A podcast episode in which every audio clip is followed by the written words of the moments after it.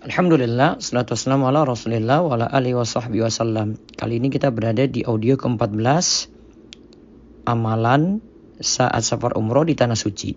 Yang ke-14, setiap kali mendengarkan azan, jawablah dan berdoa setelah itu. Dari Abdullah bin Amr bin Al-As radhiyallahu anhuma, ia berkata bahwa Rasulullah sallallahu alaihi wasallam bersabda, idza sami'tumul muadzina faqulu misla ma yaqulu summa sallu alayya fa innahu man shalla alayya salatan sallallahu alaihi biha ashran.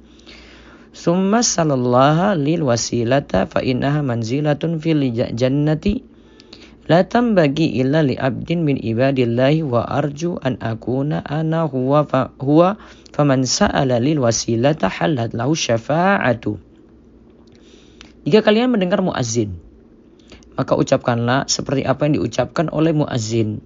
Kemudian berselawatlah untukku. Karena siapa yang berselawat kepadaku sekali, maka Allah akan berselawat kepadanya, yaitu memberi ampunan kepadanya sebanyak sepuluh kali. Kemudian mintalah wasilah kepada Allah untukku.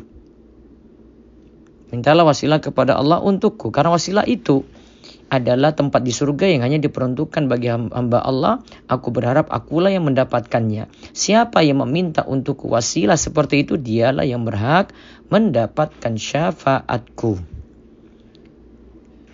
Hadis riwayat Muslim. Imam Ibnu Qayyim menyampaikan ada lima amalan yang bisa diamalkan ketika mendengarkan azan, sholat lima waktu, sebagaimana beliau sampaikan dalam Jala'ul Afham yang pertama, mengucapkan seperti apa yang diucapkan oleh muazzin. Yang kedua, berselawat kepada Nabi sallallahu alaihi wasallam. Allahumma salli ala Muhammad atau membaca surat Ibrahimiyah seperti yang dibaca saat tasyahud.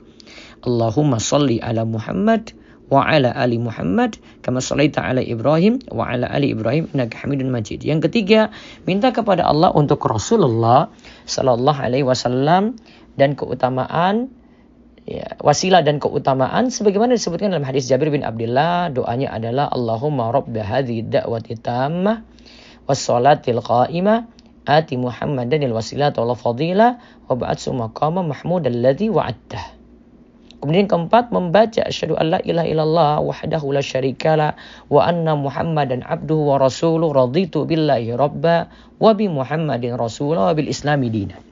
Ini juga doa setelah azan sebagaimana disebutkan dalam hadis Sa'ad bin Abi Waqqas. Lalu yang kelima, menjadikan doa sesuai yang diinginkan. Adapun doa di sini setelah azan antara azan dan iqamah ini adalah doa yang mustajab sebagaimana hadis dari Anas bin Malik radhiyallahu anhu ia berkata bahwa Rasulullah sallallahu alaihi wasallam bersabda inna doa la yuraddu bainal adhani wal iqamati fad'u sesungguhnya doa yang tidak tertolak adalah doa antara azan dan iqamah. Maka berdoalah ketika itu. Hadis riwayat Ahmad sesuai Al-Arnaud mengatakan sanad hadis ini sahih. Semoga kita bisa mengamalkannya dan waktu kita penuh berkah ketika kita berada di tanah suci. Allah barik fiqh.